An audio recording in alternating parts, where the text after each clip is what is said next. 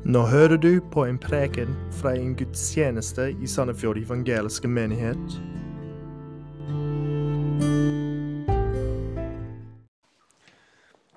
Det er et eh, stort privilegium å kunne studere Guds ord sammen videre med dere. I dag skal vi se videre på Markus evangeliet. Og vi er kommet til Markus evangeliet kapittel 3. Og dagens tekst er fra kapittel eh, ja, fra 3, vers 20 til 30. Og Da jeg satt og forberedte dagens tekst, så, så ble jeg minnet på noe som jeg syns er veldig fascinerende. Og det er optiske illusjoner. Eh, Du har sikkert sett noen av de hvis du har vært på sosiale medier. fra tid til annen, så dukker de opp. F.eks. Et, eh, et gammelt dameansikt. Hvis du ser det på en måte, så er det en ung dame i en annen, i en annen vinkel. Eller, eller en trapp som går opp til den ene siden, og så plutselig ser det ut som en trapp som går ned til en annen side. Eller et bilde av en ballettdanser som spinner, og du er sikker på den spinner i retning av klokken. Og så lukker du øynene og ser du på den igjen, og så plutselig så spinner den i andre veien. Og så blir du helt forvirra. Hva er det for noe? Hvilken retning spinner du? Og Har du 100 personer i et rom som ser på samme bilde, så er det 50 som kan skrive under på og signere på at den spinner i retning av klokken. Og så er det 50 som er like overbevist om at den spinner mot klokken. Utrolig fascinerende. Hvordan en gruppe med mennesker som ser akkurat det samme bildet, kan komme til to helt forskjellige konklusjoner på hva de ser på. Og det er egentlig tema for dagens avsnitt. Hvordan en folkemengde i år 30 i Israel så på én person, Jesus Kristus fra Nasaret. Noen så han og konkluderte på at ja, han må være Messias, den lovede så det er profetert om, Guds sønn. Andre så på akkurat den samme personen og konkluderte han måtte være djevelen, eller djevelens nærmeste allierte. Forskjellige konklusjoner på hvem Jesus er. Og det er det dagens tekst handler om.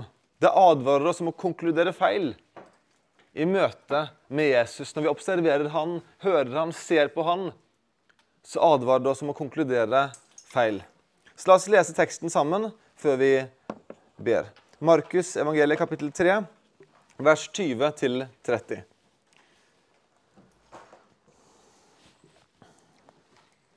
De kom så hjem, og det samlet seg på nytt en mengde folk, så de ikke engang kunne få seg mat. Da hans nærmeste hørte dette, dro de av sted for å ta hånd om han, for de sa, han er helt fra seg. Men de skriftlærde som var kommet ned fra Jerusalem, sa, han er besatt av Beelzebul. Det er ved de onde ånders fyrste han driver de onde ånder ut. Han kalte dem da til seg og sa til dem i lignelser. Hvordan kan Satan drive Satan ut? Om et rike kommer i strid med seg selv, så kan det riket ikke bli stående. Og om et hus kommer i strid med seg selv, da kan dette hus ikke bli stående. Dersom Satan har reist seg mot seg selv og er kommet i strid med seg selv, så kan han ikke bli stående. Da er det forbi med han. Men ingen kan gå inn i den sterkes hus og røve det han eier, uten at han først har bundet den sterke. Da kan han plyndre hans hus. Sannelig sier jeg dere, alle synder og all spott skal menneskenes barn få forlatelse for, hvor meget de så spotter. Men den som spotter Den hellige ånd, han får i all evighet ikke forlatelse, men han er skyldig i en evig synd. For de hadde sagt, han er besatt av en uren ånd. Kjære gode himmelske Far, vi takker deg for ditt ord som er gitt til oss. Og vi takker deg for at du sendte Jesus. Og jeg ber om at vi må kunne se hvem han er, og at vi må konkludere riktig, kjære far. Jeg ber om at du mykner opp hvert hjerte som er i dette rommet nå, så vi kan være responsive på å forstå og se hvem Jesus er, og respondere i tro. Og Jeg ber om at du må jobbe i alles hjerter, hjelpe oss til å se tydeligere og klarere hvem Jesus er. Og jeg ber også om hjelp til å kunne tale klart og tydelig som jeg burde. Og vi ber alt dette i Jesu navn. Amen. Dagens avsnitt i Markusevangeliet henger egentlig veldig tett sammen med det vi snakket om og så på forrige søndag. Og det som har blitt antydet i flere avsnitt tidligere. Det handler om at folkemengden, stor folkemengde, tusenvis, som har samlet seg rundt Jesus og, og vil se han, høre han, eh, bli helbredet av han, få nytte av hans matunder osv. De har begynt å dele seg i to grupper. Det er fremdeles en stor ubesluttet mengde i midten, med mennesker som ennå ikke har konkludert. Og så har det krystallisert seg to grupper. Den ene gruppen er etterfølgere av Jesus, som både har sett Jesu kraft, hørt det budskap og trodd det Jesus har sagt. Og Vi så forrige søndag hvordan Jesus utvalgte tolv av disse troende. De ble spesielt utvalgt av Jesus til å bli hans nærmeste disipler og etterfølgere. Og Disse tolv blir vi etter hvert bedre kjent med. De kalles disipler enn så lenge, blir senere kalt apostler, de utsendte. Og disse tolv, med unntak av Judas, som senere blir erstattet av Mattias, blir sammen med Paulus og en kan si et par av Jesu brødre de ledende figurene i etableringen av den tidlige kirke. Så vi møtte forrige søndag tolv menn som hadde blitt dedikerte etterfølgere av Jesus, og som skulle følge ham både under hans tjeneste, gjennom hans død, hans oppstandelse og hans himmelfart. Og de skulle følge ham like til sin egen død. I dag møter vi igjen den store folkemengden. Og så møter vi en gruppe mennesker som istedenfor å bli dedikerte etterfølgere av Jesus, så blir de innbitte motstandere av ham. Så er det noe altså dette avsnittet vi ser på i dag, skal lære oss, så er det at vi nøye må vurdere hvem er Jesus, og så må vi konkludere riktig basert på bevisene. Så la oss hoppe inn i avsnittet og se hvordan to forskjellige grupper konkluderte feil på hvem Jesus var. Og I de første tre versene så ser vi to gale konklusjoner på hvem Jesus var. Det står i vers 20 De kom så hjem, og det samlet seg på nytt en mengde med folk, så de ikke engang kunne få seg mat. I den første talen jeg hadde om Markus, eh, så siterte jeg eh, D. Edmund Hebert, som skriver følgende om opplevelsen av å lese Markusevangeliet. Og Han skriver at å, lese, å sette seg ned og lese Markusevangeliet uavbrutt er å få følelsen av å være omringet av folkemassene, utmattet av deres behov, samtidig som man er under demoners konstante angrep. Og Det er eh, et avsnitt som kanskje eksemplifiserer det mer enn noe annet. De tolv disiplene har blitt valgt ut, og en forventer kanskje nå en litt roligere periode med forberedelser og innledende videregående opplæring før disse disiplene etter hvert skal bli sendt ut igjen. Men slik ble det ikke.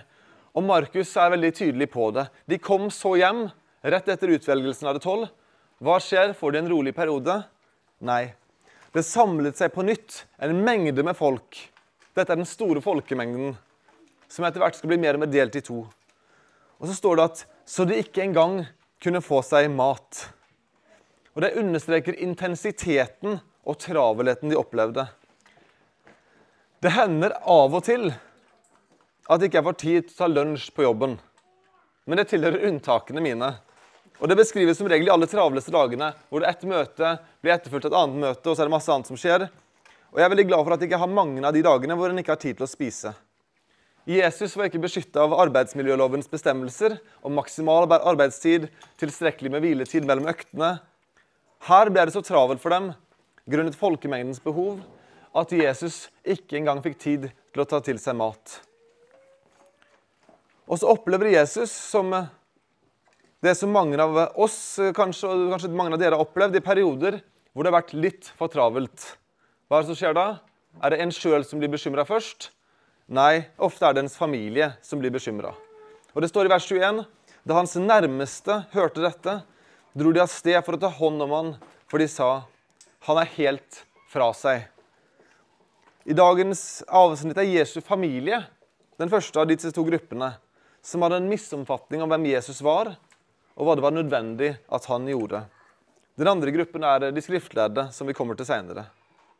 Og Kommentatoren Lamar Williamson understreker at de to gruppene, de to som burde ha gjenkjent Jesus som Messias først, hans egen familie og de som underviste i loven, er begge blinde for Jesu sanne identitet.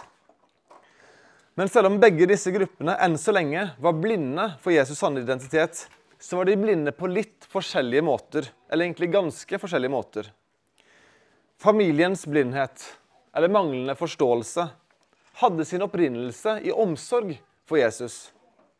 Hvorav de skriftledes blindhet hadde sin opprinnelse i fiendskap og forutinntatt opposisjon. Og det er en ganske stor forskjell.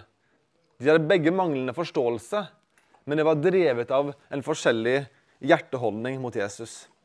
Da hans nærmeste, altså hans familie, kanskje hans utvidede familie, hørte om hvordan Jesus uttømte seg selv i hans tjeneste uten engang å ta hensyn til hans primære behov, som mat og spise, så dro de av sted, sannsynligvis fra Nasaret, hvor de bodde, til Kapernaum, hvor Jesus bodde i disse tidene, for å ta hånd om han, står det. For han var helt For de sa han er helt fra seg. Jesu familie blir også et tema for neste søndagstale. tale. så Vi på en måte kommer tilbake til de neste, neste søndag. Eh, sannsynligvis Jesu mor og hans brødre, i hvert fall de som blir plukket opp inn i, i neste tekst neste søndag. Og De kommer til Kapernaum, og så hører de om Jesus, og så konkluderer de nå har det, for å bruke et norsk uttrykk, nå har det klikka for Jesus. Nå har det bikka over fra det sunne til det usunne. Ja, Jesus mener godt, og Jesus har åpenbart Gud med seg. Men nå har det gått for langt. Nå har det kommet til et punkt hvor det har bikka over fra det sunne til det usunne. Nå trenger vi å beskytte Jesus fra seg selv. Slik han holder på nå, er ikke godt for noen, og spesielt ikke for han sjøl. Eh, og Det kan virke som om planen deres var å hente han tilbake til Nasaret for, for, å mer eller mindre tvinge han til å ta det rolig en periode. For, for å koble av, kanskje finne seg selv igjen osv. Eh, men, men det er drevet altså, av en form for omsorg. Eh, kanskje også en form for stolthet av brødrene. Kanskje han begynte å vanære familienavn osv. Men, men det er nok en form for omsorg, reell omsorg som ligger bak mor og brødres eh, kommentarer og tanker om å hente Jesus tilbake.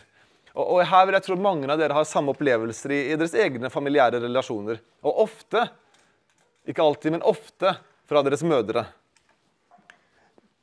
Jeg har aldri hørt min mor si til meg i voksen alder nå, Erlend, nå må du gjøre mer. Nå må du ta på deg flere oppgaver. Nå må du slite deg mer ut. Hun sier alltid, og sier fremdeles, du må ta vare på deg sjøl. Du må roe litt ned. Du trenger litt fri. Det er viktig å slappe av. Du høres ikke helt frisk ut. Kanskje du burde gå til legen. Det er et slags omsorgsinstinkt som ligger der, og som er ment godt, eh, men som ikke alltid resulterer i de beste rådene. sant? Ofte gjør det det. For i motsetning til Jesus så gjør jeg ofte feil sjøl og kan ha gale prioriteter. Og jeg trenger kanskje at noen korrigerer meg i begge retninger. sant? Men, men jeg er ikke Jesus. Uh, så det er viktig å skille mellom det. Han, han, gjorde ikke galt, han hadde ikke gale prioriteter. Men jeg kan jo ha det. Så jeg trenger jo kanskje å bli korrigert i den retningen. Men det er veldig vanlig at det er den veien korreksjon fra de som bryr seg om en, kommer. Nå må du liksom ta litt mer vare på deg selv. Og familien til Jesus tross sin omsorg nå, så har de misforstått at det var nødvendig for Jesus å gjøre det han gjorde. Menneskesønnen var ikke kommet for å la seg tjene, men for selv å tjene og gi sitt liv som løsepenge i mange steder. Så når de kommer for å føre han tilbake til Nasaret for å ha en liten retreat, så var det egentlig for å ta han vekk fra den oppgave og den gjerning som han hadde fått fra Faderen. De så det kanskje ikke slik, men det var det som var realiteten. Selv om Jesus ble utslitt, så var dette ikke tiden for å hvile. Jesus hadde ikke klikka. Han hadde ikke mista kontrollen.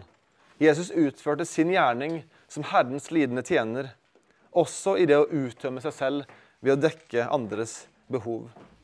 Jesu familie hadde konkludert feil om hvem Jesus var, til en viss grad, og hva det var nødvendig at han gjorde. Men de hadde ikke blitt forherda i sin gale konklusjon. Deres korreksjon av Jesus var drevet av omsorg. Og jeg tror også vi bare sånn en digresjon til dette temaet, jeg tror vi gjør lurt i å forstå forskjellen på folk som ønsker å gi oss råd ut fra dårlige intensjoner, og folk som gir oss råd ut fra gode intensjoner. Og vår reaksjon på disse to gruppene bør være ganske forskjellig. Det bør være mye mer nåde og kjærlighet i vår respons til de som oppriktig ønsker oss det beste men som kanskje likevel gir oss dårlige råd da, fra tid til annen, som ofte gjelder nær familie, enn det vi gir til de som åpenbart ønsker å føre oss vekk fra Gud ved dårlige råd. Jesu familie konkluderte feil. De konkluderte med manglende visdom, men de konkluderte ikke i det vi kan kalle forherdet vantro. For de skriftlærde som er den andre gruppen vi møter, som konkluderte feil, så var det annerledes. Jesu familie hadde en omsorgsrespons. De skriftlærde så Jesus som en trussel som de ønsket å få rydda av veien. Og i sine egne hjerter så ville dette medføre noen logiske slutninger om Jesu gjerning og person som ble 180 grader forskjellig fra det bevisene skulle tilsi. De gjorde som uh, C.S. Lewis, jeg siterte han forrige gang, de forholdt seg ikke nøytrale til Jesus, men i stedet for å erkjenne at han var, og akseptere han som Messias, Guds sønn, som disiplene hans ville gjøre, så konkluderte de, de skriftlærde, som gruppe på at han var en djevel. For det står i vers 22 Men de skriftlærde som har kommet ned fra Jerusalem, sa han er besatt av Beelsubel. Det er vel de onde ånders fyrste. Han driver de onde ånder ut. Dette var ikke bare skriftlærde sånn tilfeldige utvalgte. Dette var skriftlærde som var kommet fra Jerusalem. Dette var på en måte eh, kremen av eh, de skriftlærde. Dette var på en måte eh, special forces, de som, kunne, de som var best, de som opererte i det religiøse høysetet i Jerusalem. Det var en delegasjon virker det som, sendt fra det religiøse hovedsetet, eh, samlet fra Jerusalem med et oppdrag. De kunne ikke fornekte de mektige gjerninger Jesus gjorde.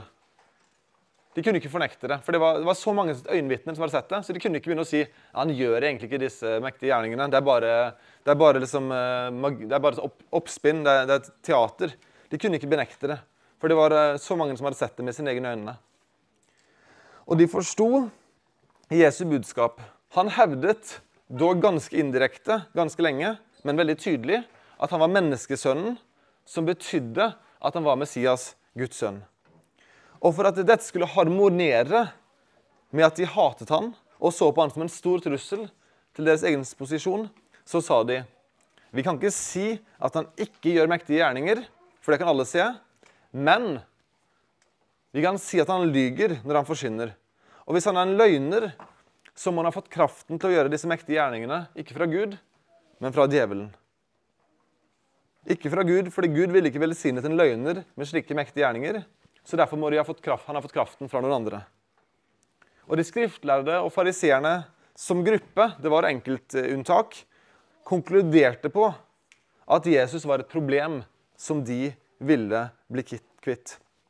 Og De hadde nå funnet den eneste logiske slutningen som kunne rettferdiggjøre at de skulle drepe ham. Uten at de trengte å fornekte at han gjorde kraftige gjerninger. Dette var ikke den gale konklusjonen basert på omsorg eller misoppfatninger. Dette var selvvalgt vantro som gjorde hjertene hardere og hardere i møte med åpenbare bevis som bekreftet hvem Jesus faktisk var. Så to gale konklusjoner på hvem Jesus var. Og Det kommer å føre oss inn i neste del av denne teksten vi skal se på i dag, hvor, Jesus begynner å adressere ikke logikken til familien sin, det, det blir tema som sagt neste søndag, men logikken til de skriftlærde. Han påpeker de skriftlærdes konklusjon som en absurd logikk i praksis. Han hører hva som blir sagt om han, eh, og selv om Jesus ofte bevisst eh, valgte å ikke svare på de anklager som kom mot han, svelger han i dette tilfellet å forklare hvorfor de skriftlærdes logikk er helt feil. Både for å vise dem selv at det de tenker er galt, men også for å advare alle andre om hvor farlig det kan være for egen sjel å konkludere på denne måten. Så Jesus forteller dem lignelse. Han kalte dem da til seg og sa til dem i lignelser.: Hvordan kan Satan drive Satan ut? Om et rike kommer i strid med seg selv, så kan det ikke bli stående. Om et hus kommer i strid med seg selv, kan dette huset ikke bli stående. Og det som Satan har reist seg mot seg selv og er kommet i strid med seg selv, så kan han ikke bli stående. Da er det forbi med han. Jesus anvender en ganske enkel logikk her. De sa at det var ved Beelzubel sin kraft at han drev ut de onde ånder. Beelsubel Beelzubel er et, eh, et, navn ikke vi bruker ofte i vårt vokabulær. Det var et sammensatt navn av avguden Bal, som var den kanoneske fruktbarhetsguden. Eh, avguden, og som er på en måte det, den avguden som går mest igjen i Det gamle testamentet. Så det er en kombinasjon, en avledelse av navnet Bal. Og så ordet sebul, som betyr en opphøyet bolig. Så, så, betydningen av ordet Det er et par måter å tolke det på, men den, den mest sannsynlige tror jeg, er, er, på en måte Belsub, eller den opphøyede boligen til avgudene. Det, det, er på en måte dette huset hvor de onde ånder har sitt hjemsted, der de jobber ut ifra det som er hovedbasen deres. Eh, og Anklagen er på en måte videre da, at det er de onde ånders fyrste han driver de onde ånder ut. Så ikke bare har Jesus sitt hjemland i, i den opphøyde boligen til avgudene, der Bal og de andre bor, men han har også tett partnerskap med de onde ånders fyrste, med djevelen selv. Oppsummert sier de at Jesus er i tett partnerskap med djevelen, og at han nå fungerer som djevelens, nærmeste allierte, hans fremste tjener. Og Så poengterer Jesus det absurde i dette. Og Han bruker anklagen mot seg selv som en illustrasjon. Dere sier at jeg er Satans tjener, og at jeg bor i hans hus. Eh, men det er noen ting som ikke gir mening her. For Hvordan kan Satan drive Satan ut?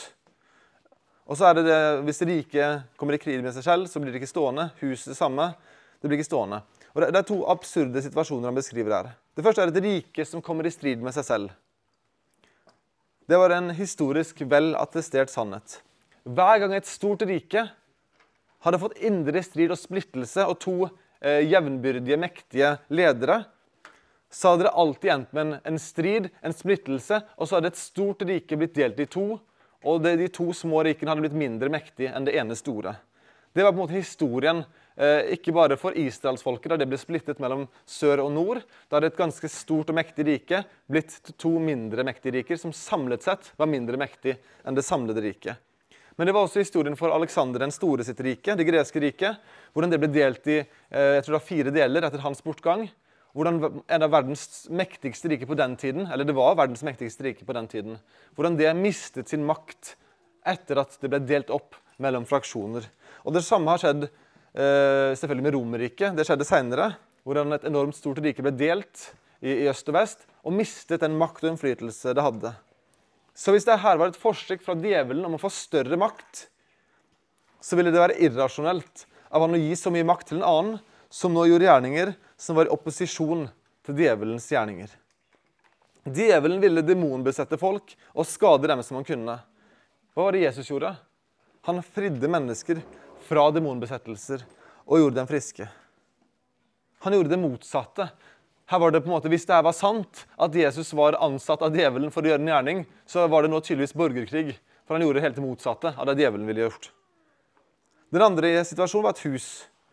Henvisning til en storfamilie. Hvordan storfamilien ville miste sin innflytelse hvis for det ble indre strid i en familie pga. at brødre for ble fiender. Dette ville ikke øke familiens styrke og påvirkning. Det ville forringe familienavnet og familiens påvirkningskraft i lokalsamfunnet. Mye bedre med én sterk familie enn en familie som er splitta i to, som to mindre grupper. Det er på en måte logikken. Om et rike kommer i strid med seg selv, så kan det riket ikke bli stående. Om et hus kommer i strid med seg selv, kan dette huset ikke bli stående. Og Dersom da Satan har reist seg mot seg selv og har kommet i strid med seg selv, så kan han ikke bli stående. Da er det forbi med han. Sant? Igjen da, Nå gjentar jeg meg sjøl litt her, men det ville vært særdeles lite lurt for Satan å reise opp en annen tjener som kunne utfordre han selv som de onde og ånders fyrste. Det ville nødvendigvis medføre at hans egen posisjon ville blitt utfordra. Og det er kun plass til én mørk herre i djevelens rike, ikke to. Og når jeg leste det og tenkte på det, så tenkte jeg på 'Ringenes herre', som, som, noe, som, dere vet jeg kanskje er glad i, og noen av dere er glad i. Så jeg har en illustrasjon eller en henvisning til 'Ringenes herre'. Eh, og et sitat fra den første filmen. Eh, når trollmannen Sauroman vil slutte seg til Sauron, som er på en måte den mørke, mørke fyrsten, han vil slutte seg til den mørke herren Sauron. Så det er på en måte en som vil skifte lag. Og, og da sier den gode og vise Gandalf eh, at det, det finnes kun én sann herre over ringen. Bare én som kan styre dens vilje. Og han deler ikke på makten. Så det er Poenget er at den onde herren Sauron, som var den som hadde lagd den onde ringen Har du ikke peiling på hva Ringenes herre er, og henger jeg ikke med, så, så bare parker gjerne et halvt minutt til. Han delte ikke på makten. Han kunne ta bruke Sauroman for en periode, men det var han som kom til å være den som skulle være den ene onde fyrsten. Han deler ikke på makten. Og Det samme tror jeg er sant om djevelen, da, den onde fyrsten i, i det virkelige riket, som vi, virkelige verden som vi bor i. Han er ikke en ond fyrste som ønsker å dele på den makt og innflytelse han enn så lenge har. Jeg tror det er, det er noe, noe, noe, sant i dette.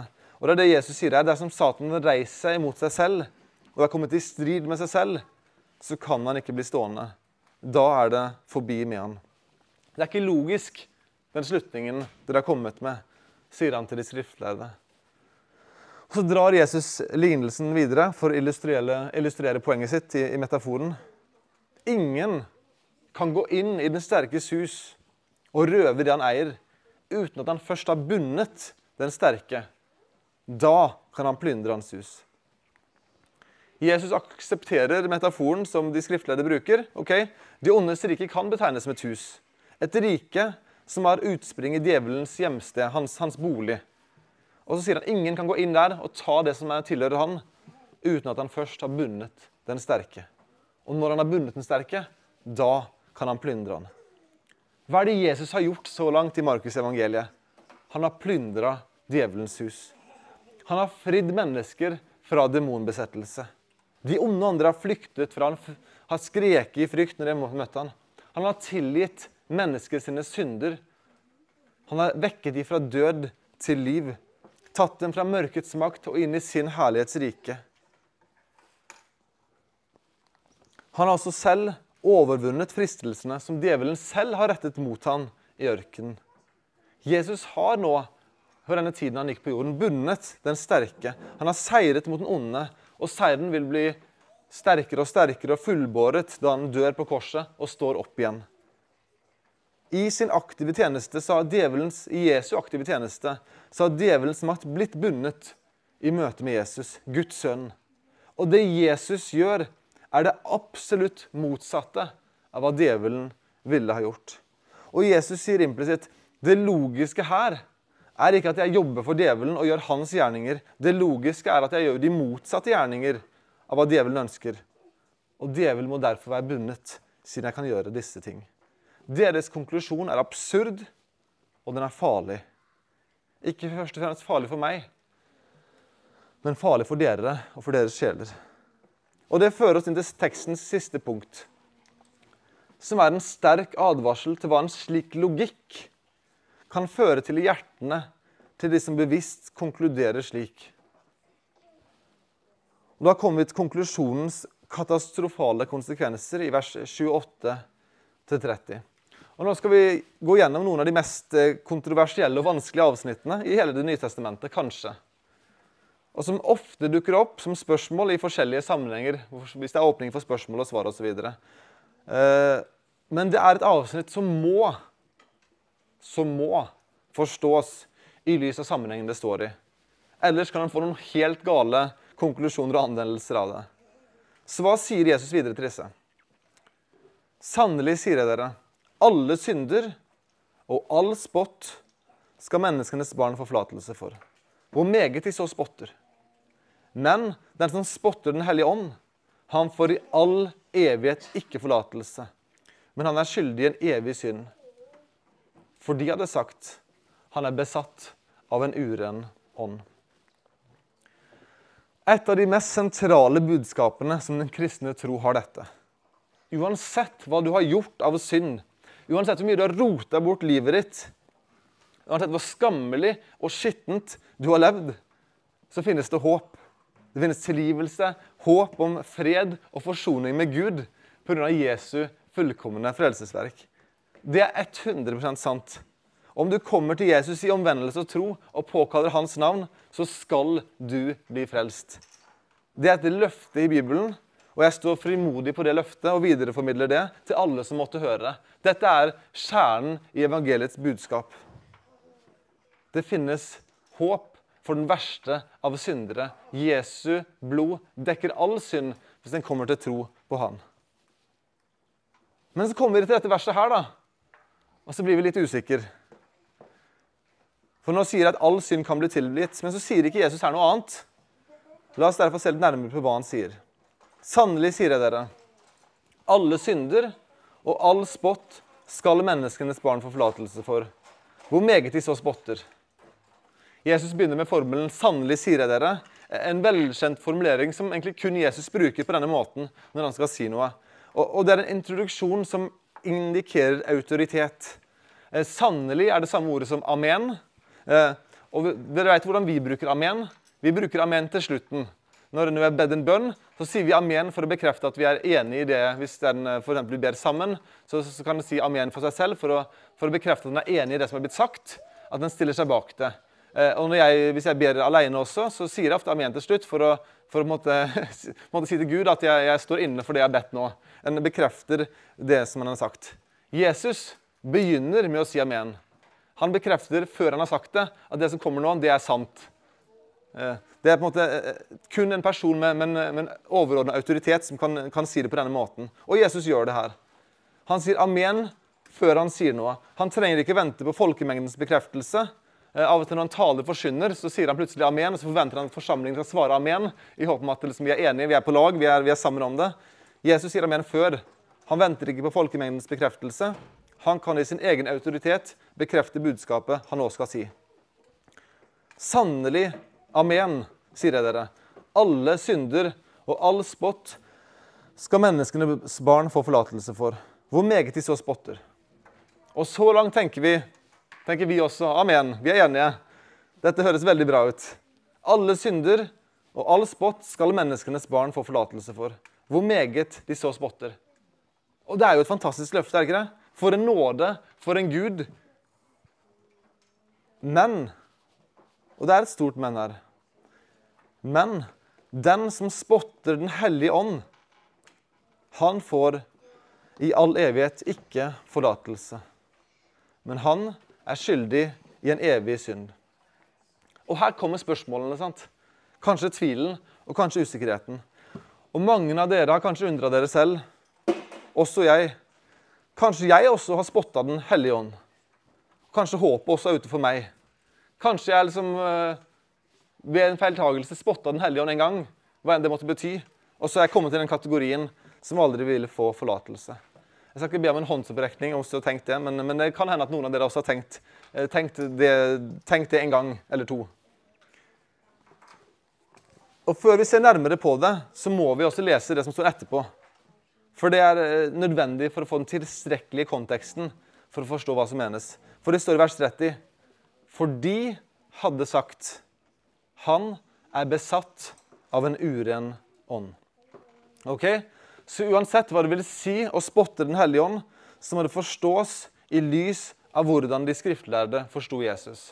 Det er en viktig ting å ha med seg her. For det antyder sterkt at det de skriftlærere nå hadde gjort, var å spotte Den hellige ånd. Eller i hvert fall på vei dit. Og at de som konkluderte slik som dem gjorde, ikke kunne få tilgivelse. Og det de gjorde, det har vi allerede sett på, men la meg oppsummere det igjen. De skriftlærde hadde sett Jesu kraftige gjerninger. De hadde uten tvil fått påvist at Gud virket gjennom ham. At hans makt var av en annen verden. Og så hadde de hørt hans budskap, den lære han kom med, og de ting han sa. Og de kunne matche det mot profetene fra Det gamle testamentet osv. Og, så og basert på et veldig godt grunnlag, et ganske helt bilde av hvem Jesus var, så konkluderte de med at dette er djevelen. Den hellige ånd virket gjennom Jesus. Alle Jesu overnaturlige gjerninger var drevet av Den hellige ånds kraft, som virket gjennom ham. Og de vitnet alle om at Jesus som person er Messias, Guds sønn. Deres konklusjon etter å ha sett og hørt alt dette var han er djevelsk, satanisk i ledtog med demonene. Den hellige ånds viktigste gjerning kan oppsummeres i at han skal vitne om Jesus, peke på Jesus. Gjennom alt sitt virke så er Den hellige ånd opptatt av at Jesus skal bli fokuset på vår tilbedelse. At han skal bli trodd og etterfulgt. Og hvis han er under sterk overbevisning fra Den hellige ånd, når han får Jesus presentert for sine øyne, og så bestemmer han seg aktivt for å avvise de åpenbare bevisene og konkludere med at han er av djevelen, så begynner han å forherde seg for Den hellige ånds innflytelse. Og dersom da en kommer i en posisjon for at en blir helt hard, hvor en ikke lenger blir responsiv til Den hellige ånds virkning, så stiller en seg utenfor frelsens rekkevidde. Og det er alvoret. Det er ikke det at Jesus ikke vil ta imot deg om du kommer til han. Men det er det at ved å forherde seg mot Den hellige ånds kraft over tid, og etter å gjentatt det fått åpenbare bevis på hvem Jesus er, at en fremdeles konkluderer på at Jesus er av djevelen, så kan en til slutt komme til en posisjon hvor ens hjerte blir hardt, en blir forherdet, og en er ikke lenger responsiv på Den hellige ånds kraft og virke. Og Det er dette som det ligger i å spotte Den hellige ånd. Det er å se, kall det alle bevisene, som Den hellige ånd viser oss om hvem Jesus er. Og så bevisst, aktivt, ikke ved en feiltagelse eller en liten bommert, aktivt bestemmer seg for at det motsatte er sant, og så forsøker en å overbevise andre om det samme. Og Det var det de skriftlærde nå gjorde, og, og sto i reell fare for, for, å gjøre. Om de allerede hadde kommet dit eller ikke, det vet vi ikke nøyaktig, men det er iallfall dette Jesus advarer sterkt imot. Noen hadde kanskje gjort det allerede, noen var på vei dit. Cranfield skriver i en annen kommentar om Markus at de som først og fremst skulle ta den advarselen på alvor i dag, altså i vår tid, er de teologiske lærere og de offisielle lederne i menighetene.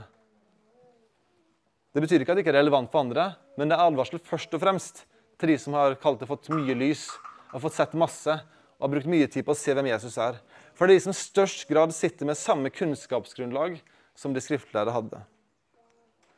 Og så står spørsmålet likevel igjen kan dette skje med noen i dag. Og Det var vel et av spørsmålene som kom på konferansen, eh, som Tim Conway svarte på. Og Han sa vel at det var det spørsmålet han hadde fått mest gjennom flere tiår eh, arbeid i Albianest. Jeg var ute med barna da, så jeg hørte ikke svaret på konferansen. Men jeg fikk hjelp av Trinity i går til å finne, finne svaret. Eh, for det finnes noen som tenker at å spotte Den hellige ånd på denne måten var en synd som kun den generasjonen som så Jesus i årene rundt år 30, kunne gjøre. For det var såpass unikt, det de opplevde. Eh, ingen av oss får Jesus presentert foran våre øyne på samme måte som de gjorde. Det er bare en realitet. Så, så en kan si at de var enda mer ansvarlig for det de hadde sett, de hadde sett og hørt, enn mennesker i vår generasjon. Jesus sto foran dem i, i, egen person. Han gjorde overnaturlige, mektige gjerninger. Han talte sant, demonstrerte fullkommen kjærlighet og visdom, og de konkluderte med at han var djevelsk. Det var en helt unik situasjon. Og Mange har derfor hevdet at dette var en synd som var unik for denne generasjonen. Jeg er til dels enig i det, men jeg tror likevel det ligger en sterk advarsel til oss i dag. Spesielt for oss som er vokst opp i en kristen sammenheng, for oss som kommer på møte hver søndag og hører det samme budskapet, lærer i hvert fall teoretisk om hvem Jesus er, mens du velger å ikke respondere på Guds kall til frelse. Så tror jeg det ligger en advarsel til alle oss også. Hvis en over lang tid sitter under Den hellige ånds virke på hjertet sitt, du vet med deg selv at, at Gud taler til deg om Jesus. Du blir konfrontert med din synd. Du erkjenner at ja, du trenger tilgivelse, men du velger likevel å ikke komme til Jesus i tro fordi du elsker din synd mer enn du elsker Jesus. Hvis en over tid responderer denne måten, så vil en bli hardere og hardere i hjertet. Alle har nok opplevd dette på enkeltsynder. At en kanskje får en syndig avhengighet som er skamfull den første gangen. Og for hver gang man gjør det, så blir det litt mindre skamfullt. Og til slutt så begynner hun å tenke at synden ikke er så ille. Og så er det noen da som etter hvert begynner å tenke at det er Gud som er ond, som nekter meg denne synden. Da er en på vei på en måte mot en slik tilstand. Kan det hende at en person kommer dit i dag at han eller henne har syndet mot Den hellige ånd på en slik måte at han eller henne aldri kan få tilgivelse? Jeg vet ikke. Jeg vet ærlig talt ikke. Men trøsten er at hvis du er bekymra for dette, og det plager ditt indre liv, så er trøsten at du ikke er en av dem. JC Ryle skriver i sin kommentar de som er tynget av bekymring, med frykt for at de har begått den utilgivelige synd, er akkurat de mennesker som ikke har begått den. For det vil være bevis på at du fremdeles responderer på Den hellige ånds gjerning i ditt hjerte. At det fremdeles er noe mykt som man rører ved, og som plager deg. Og hvis det er deg, og du ennå ikke har respondert i tro, så er budskapet løp til Jesus i dag.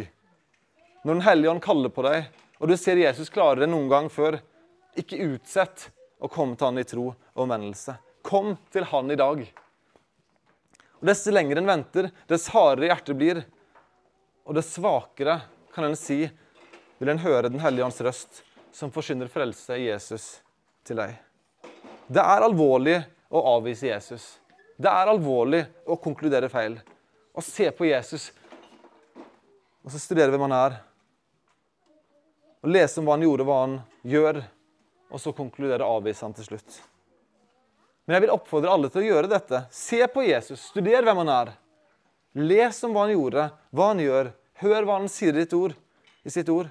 Så ber du Den hellige ånd om å vise deg hvem han er.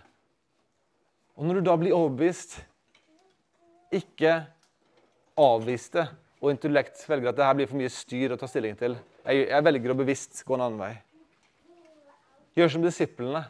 Bli etterfølgere av Jesus. Han er verdt å leve for, han er verdt å dø for, og han er det eneste håpet vi har gjennom evigheten. Så la oss advare av de skriftlærdes forherdede hjerter, og la oss gjøre som disiplene og følge Jesus i tro.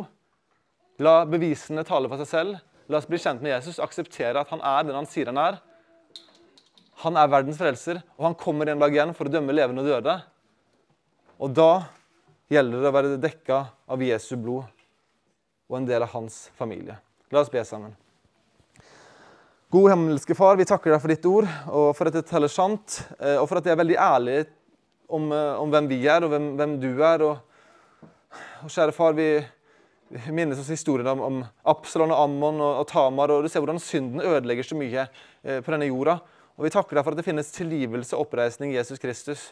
Og du ser at vi alle har gjort mye galt. Vi trenger tilgivelse og nåde.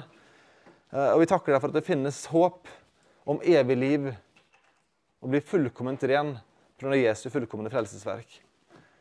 Og Så ber jeg om at du må hjelpe oss å ta den advarselen på alvor også. At ingen av oss må utsette og ta stilling til hvem Jesus er. At ingen av oss må avvise Den hellige ånds kraft når den rører ved hjertene våre. At når vi blir konfrontert med noe som er galt, at vi må respondere som du ønsker. Med myke hjerter, i tro. At vi må etterstrebe å gjøre det som er rett, og det som er godt. Og Vi takker deg for at uh, det finnes nåde også, om man har avvist deg mange ganger, men at du må, at du må røre, røre, ved hver enkelt og frelse også i dag, kjære far. Vi ber om nåde om at det skal skje. Vi takker deg for din godhet mot oss, og vi ber om velsignelse over samværet videre. Og Vi ber alt dette i Jesu navn. Amen.